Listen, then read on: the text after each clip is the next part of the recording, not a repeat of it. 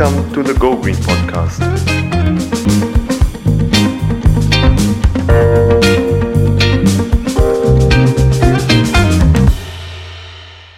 My name is Till Britsch, and I grew up in a German eco village called Siebenlinden.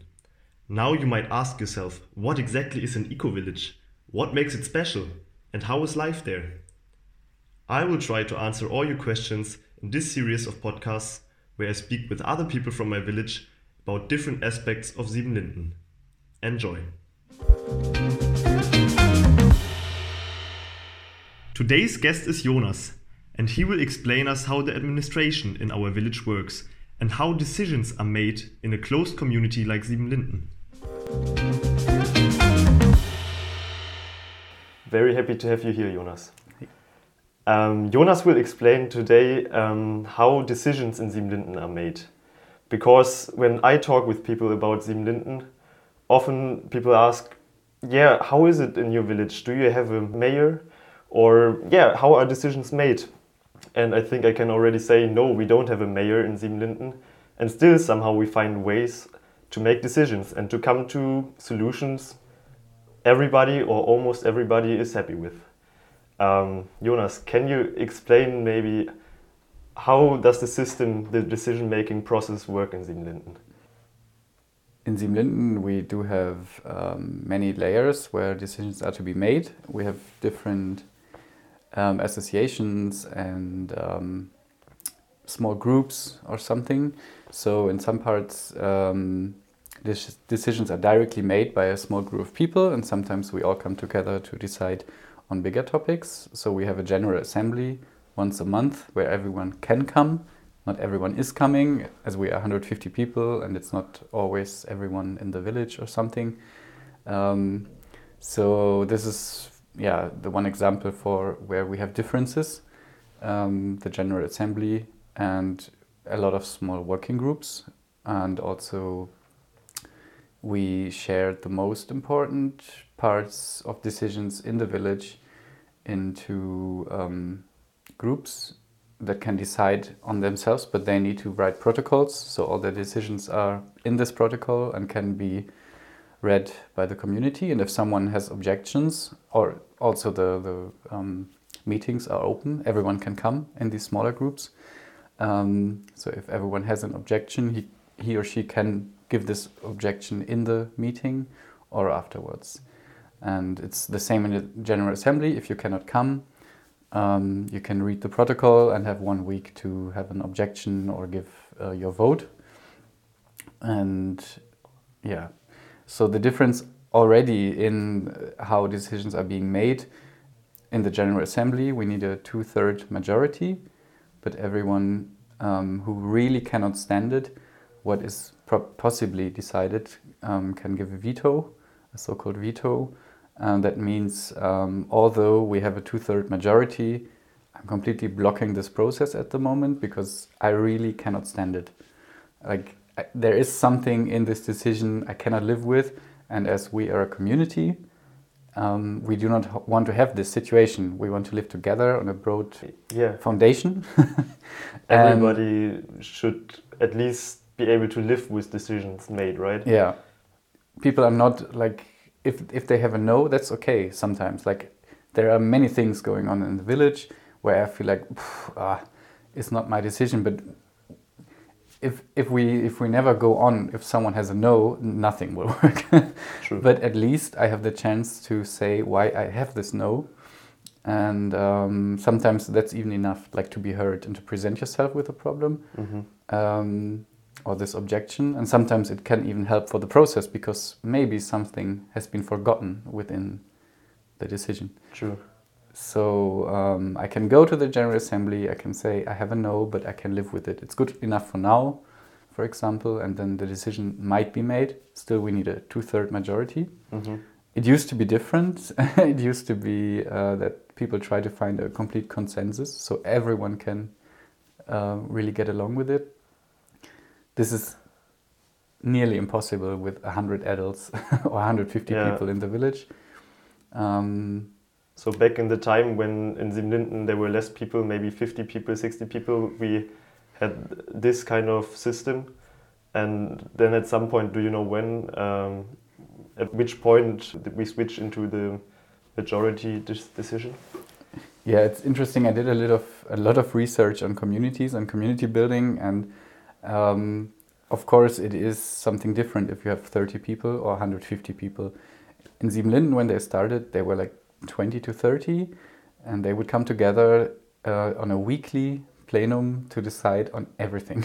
Wow. everything that was at least touching community issues, not like the Mhm. super private things, of course, but when uh, they started, they would do that. So this could they take like a half a day, a full day, and I think today no one is really having the time to meet weekly, maybe for even a full day, Wow. and decide on what sort of bread we want to buy, because the bakery has a new cool bread, Yeah, you know, yeah. and um, if This everyone would need to talk about this, yeah, I think this is why we have so many little working groups and councils. yeah.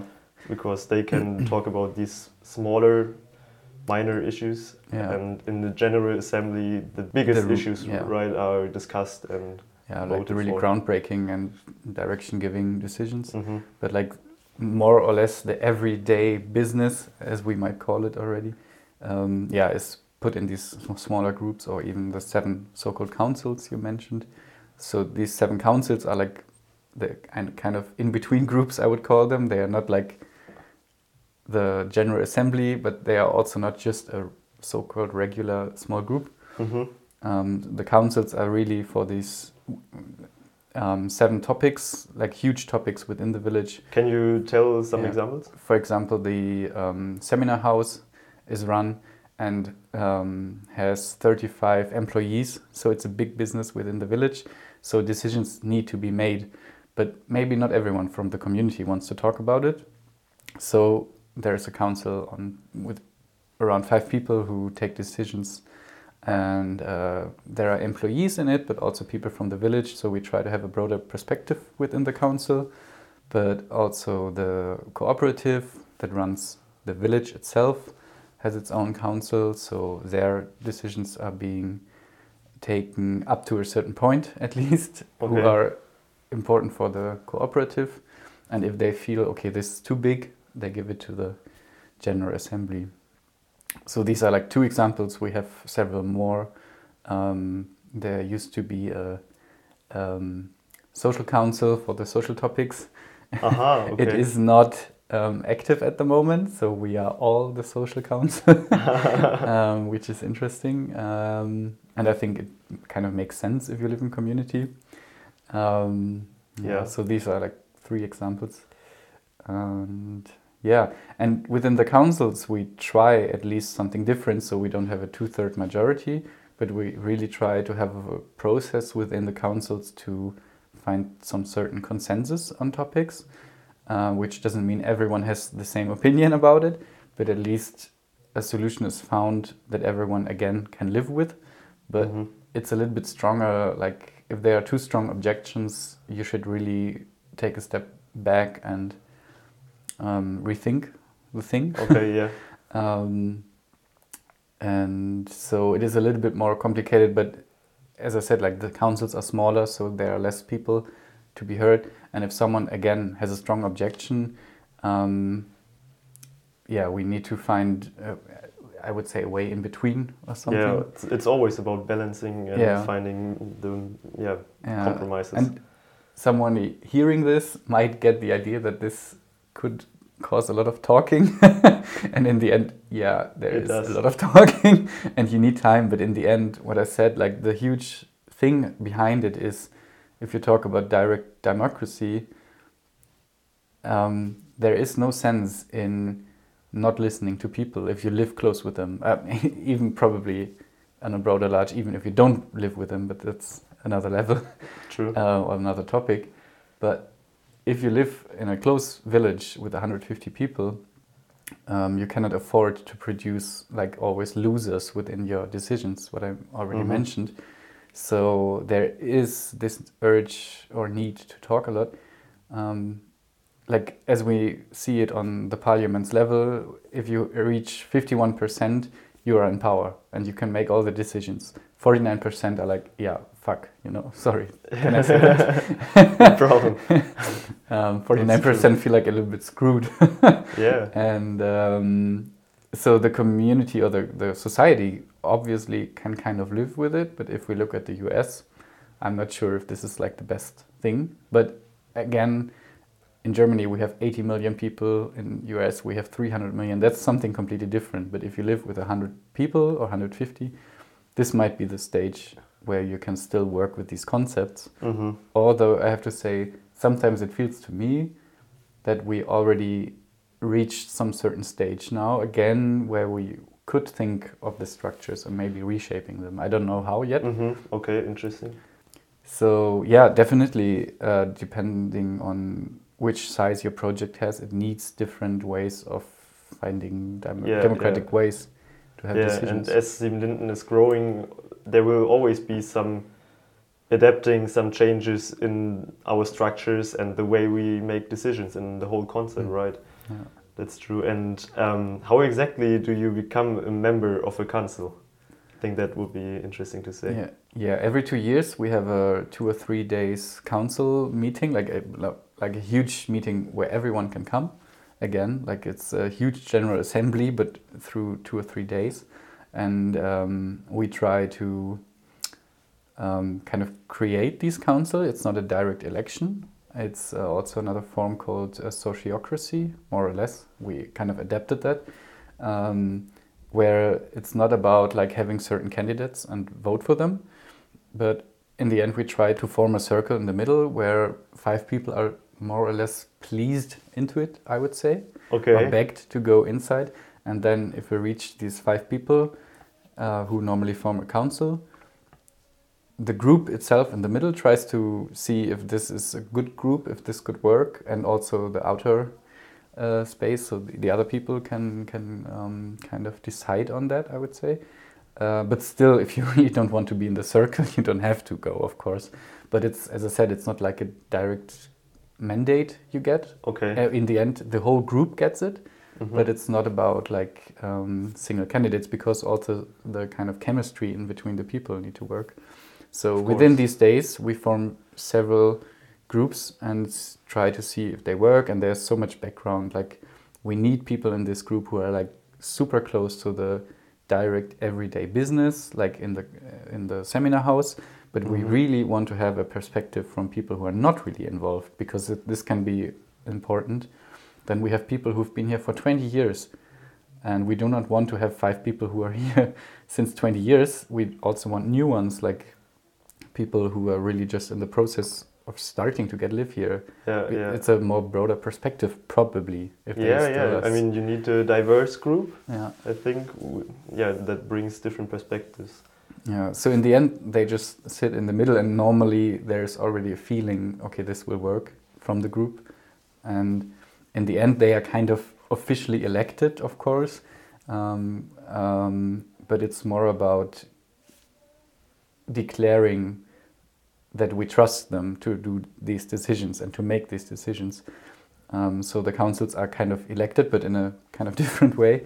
And in the end, all the councils are being like sent into the next two years with this uh, positive energy. Like, yeah, um, we trust you. And in the end, as I said, like all the council meetings are open. You can always go there. You can read all the protocols if you have the time.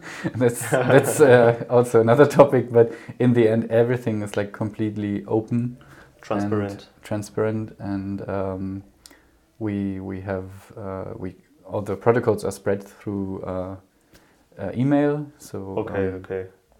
But in the end yeah we have i don't know so many meetings. It's the councils but also like the smaller groups for smaller topics. Like we have a sauna group.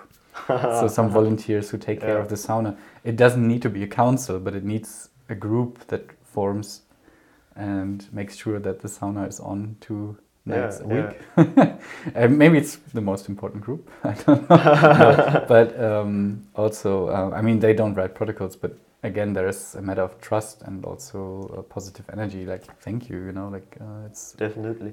I think that's the most important thing that everybody has to trust these working groups, these working councils, because when again when I talk with other people about Siebenlinden, very often I hear that people say, "It sounds like an awesome place, but I think I'm not made for living in a community because I think I would have difficulties to trust people to make decisions for me, because in the moment you decide for a group you elect a group basically um, this group for the next two years will make decisions on a topic that affect you definitely also personally. Hmm.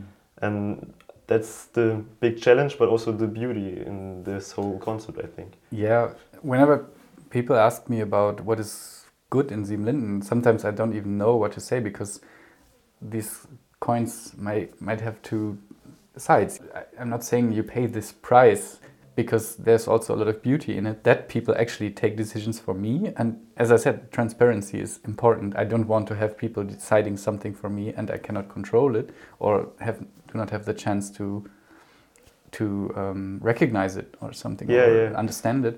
Um, but in the end, I'm pretty happy that a lot of people take decisions in this village and we create a running system where I kind of adapt to and I live in it. But as I said, like I do not want to be part of all these processes. I can't.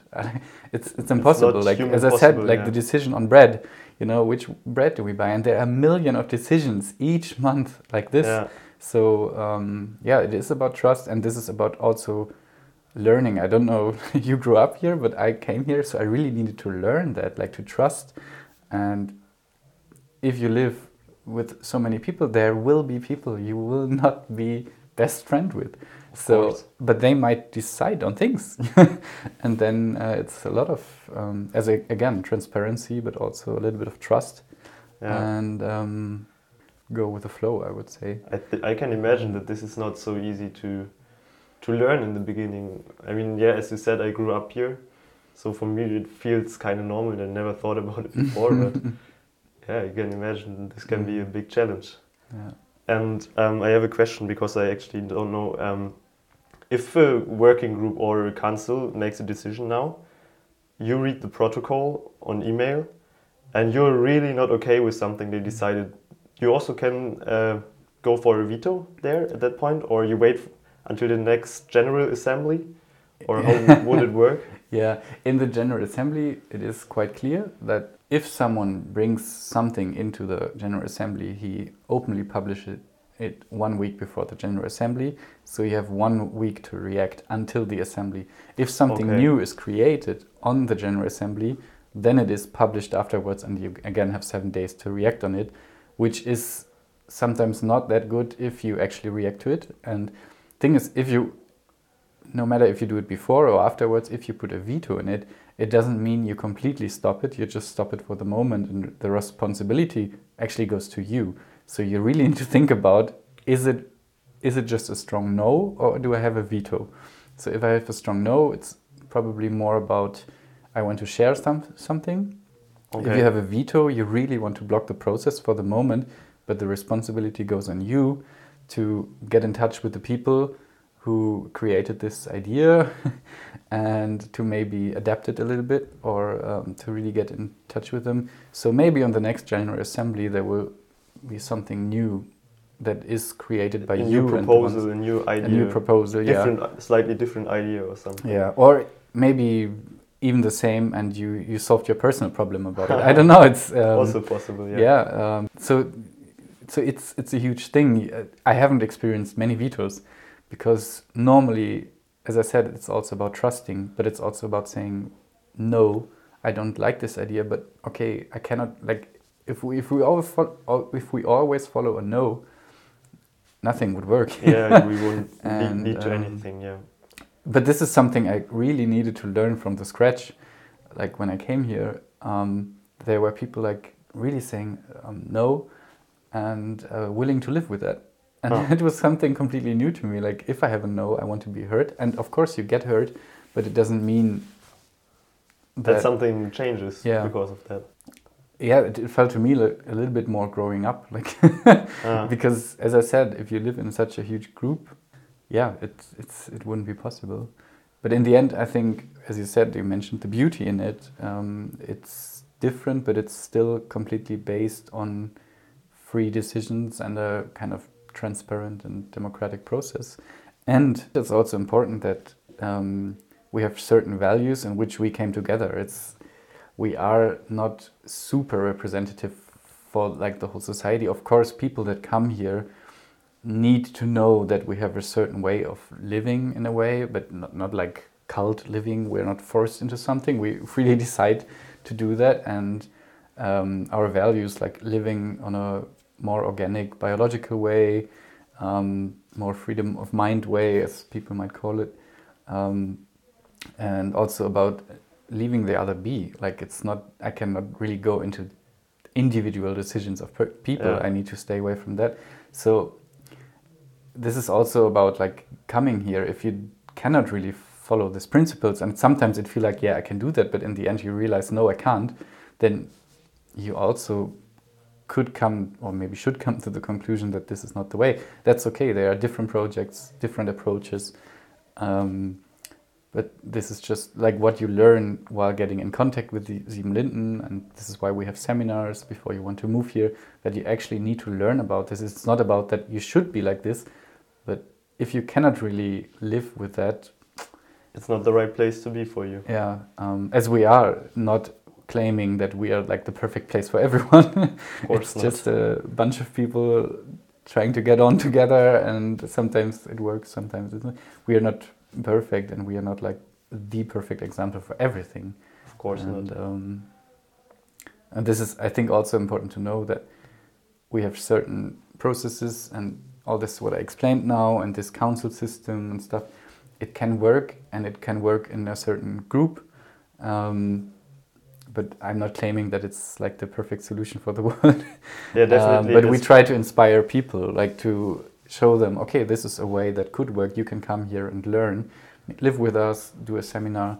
Um, yeah, Linden is a very important project, um, inspiration, um, because a lot of things in the society, I think we can agree, are not good. And even though we don't claim to be a, the perfect place, because we are not, still we are a very different approach in a lot of things, in a lot of ways. And it brings me actually to the question, what do you think this whole decision process, the concept we have in Siebenlinden, uh, what from this uh, concept could be implementable on a bigger scale, say mm. even for a country? Do you think there is mm. something? Yeah. Or is it really only limited for smaller groups, 100 people, 50 people, 150 people? I can hardly imagine to put this on a huge scale, but in the end, uh, what I said, like when I came here, democracy to me was 51 against 49%.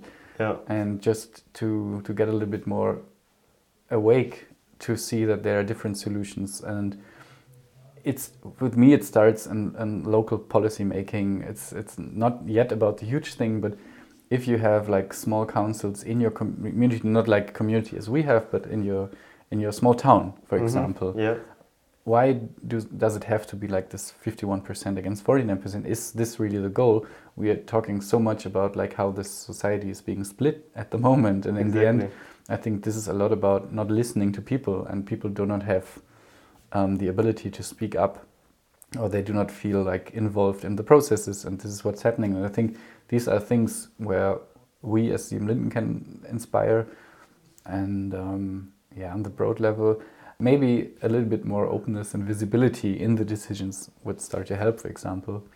Yeah. Um, and yeah. I think that's also another value we have here in Zealand. Everybody is heard, at mm. least. And that's something I can't see yeah. in German society and also in mm. yeah basically every other country. Yeah. The losers, the 49%, however you want to call them, mm. the minority, they're overheard. Really, their needs, their wishes, they are not listened to, and that I think also leads to more extreme opinions in mm. the end, and that splits also societies in the mm. end. And what I said, like this is where I get a little bit grateful to be here. Um, it is a different experience. Like I was not coming from a family where this was normal, like to speak up and speak out. And suddenly you, you can sit in a room with 50 people and people would listen to you if, if you talk about your feelings. yeah, yeah. and um, but again, like I think every kind of group of humans, de- really depending on, on how many people there are, um, it needs certain levels. And in Siebenlinden, it's it's so interesting. Like we are this kind of think tank, but we never know what the next step is because we do not really have examples, um, at least in Europe, I would say, of um, democratically based communities. yeah, um, yeah. We are creating something new in the end. yeah, of, of this size. Like there are communities in Europe who are bigger, but they are normally something like religious or something. So there are different hierarchies. hierarchies. We we, we try to have as little hierarchy as possible. Of Yeah. course, there are always hierarchies, but in the end, we at least try to have them visible. But if you if you have a Hare Krishna cult, yeah. the word cult is there, you know. Of So uh, we try to have the difference. So there is no really example where to go to the next step, and I think this was a big challenge before reaching the council stage. And as I said, maybe the council time will be over soon. We don't know what the next step will be. Um, but we will interesting, but challenging, and probably again a lot of talking. Again, a lot of talking. I think that's a nice summary. Um, our system needs a lot of talking, a lot of trust, the ability to take a step back, um, to live sometimes with a no, if you have a no.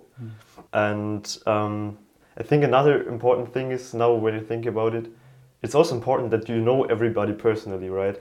Because the things we do here, if you don't, how can you trust people if you don't even really know them? And in Siebenlinden, we are still 150 people, so we still ensure that everybody knows everybody, and not only the name and maybe how many kids you have, but Mhm. also more personal informations. And as you mentioned before, if you enter this village, if you want to live here, you have a long process of taking seminars, uh, having like a test time here, and in the end, even you have to be accepted by, is it again two third of the and community? in this case, And that sounds maybe a bit, I don't know, it kind of sounds strange in the beginning because Mm. people vote for you if you can live in a certain place. But once you heard about how we make decisions, like you explained to us today, I think it makes a lot of sense that you want to trust these people and you want to know them. mm, So it's a very important uh, step of our community that not everybody can just enter like that. Yeah, because also the community wants to know. It's not just a cooperative; it's the community, and they want to know you before Yeah. uh, you go into it because it is a lot about living together and sharing economical things.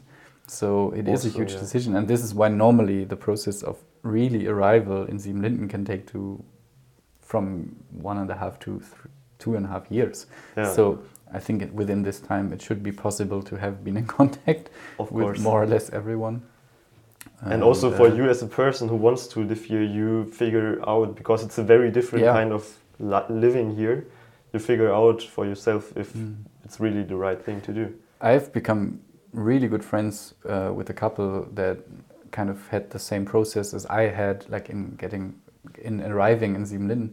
And at some point they decided, no, it's not our place, and it was okay, like for everyone. Of course. uh, it's it's way better that they realize it during the probationary year than two years after, Exactly. um, because of course you can always leave, but uh, it gets more complex and. Um, All right. and yeah, what you talked about um, about getting to know everyone. This is again where the transparency comes in. Like, um, if I know everyone, I might have slightly a bigger idea why he or she has made this decision. If I don't know some person, True. um, it's always about the background. Um, and this is not completely always working, but it is easier if you know a person, of course, to understand his or her decision as if you don't, of course. Exactly. And uh, again, we You, you see persons, right? You see the person Yeah. that makes a decision or that says an opinion. You don't only see the opinion because then it gets easy to get angry on something. But if you know Mhm. the person behind it, I think it's also easier to don't get so emotional about it, maybe. Yeah, and here we are again. Uh, it's something different if you live with 30 people or with 150. I know all the names of the people. I have some certain emotional connection to everyone. Sometimes super good, in some cases not so good. Uh, but as still I know some background of this person, so it of course makes it easier. It's not always easy, of course, but it can make it easier. Or maybe I just ask like, hey, can we have a walk in the forest for an hour and talk about it? And there is like a direct connection. No one is living further away than I don't know 200, 300 meters. Yeah. And again, this doesn't work in German society, of course, but at True. least it's working here. yeah. Transparency. All right. Thank you very much, Jonas. Thank you. I think there were some very interesting thoughts today. And yeah, thanks for your time. Thank you. You just listened to Green Talks, a podcast made by the organization Go Green Macedonia about any kind of environmental issues, movements, and solutions. If you want to find out more about the work Go Green is doing, you can check out our Facebook, Instagram, or the webpage. Thanks for listening.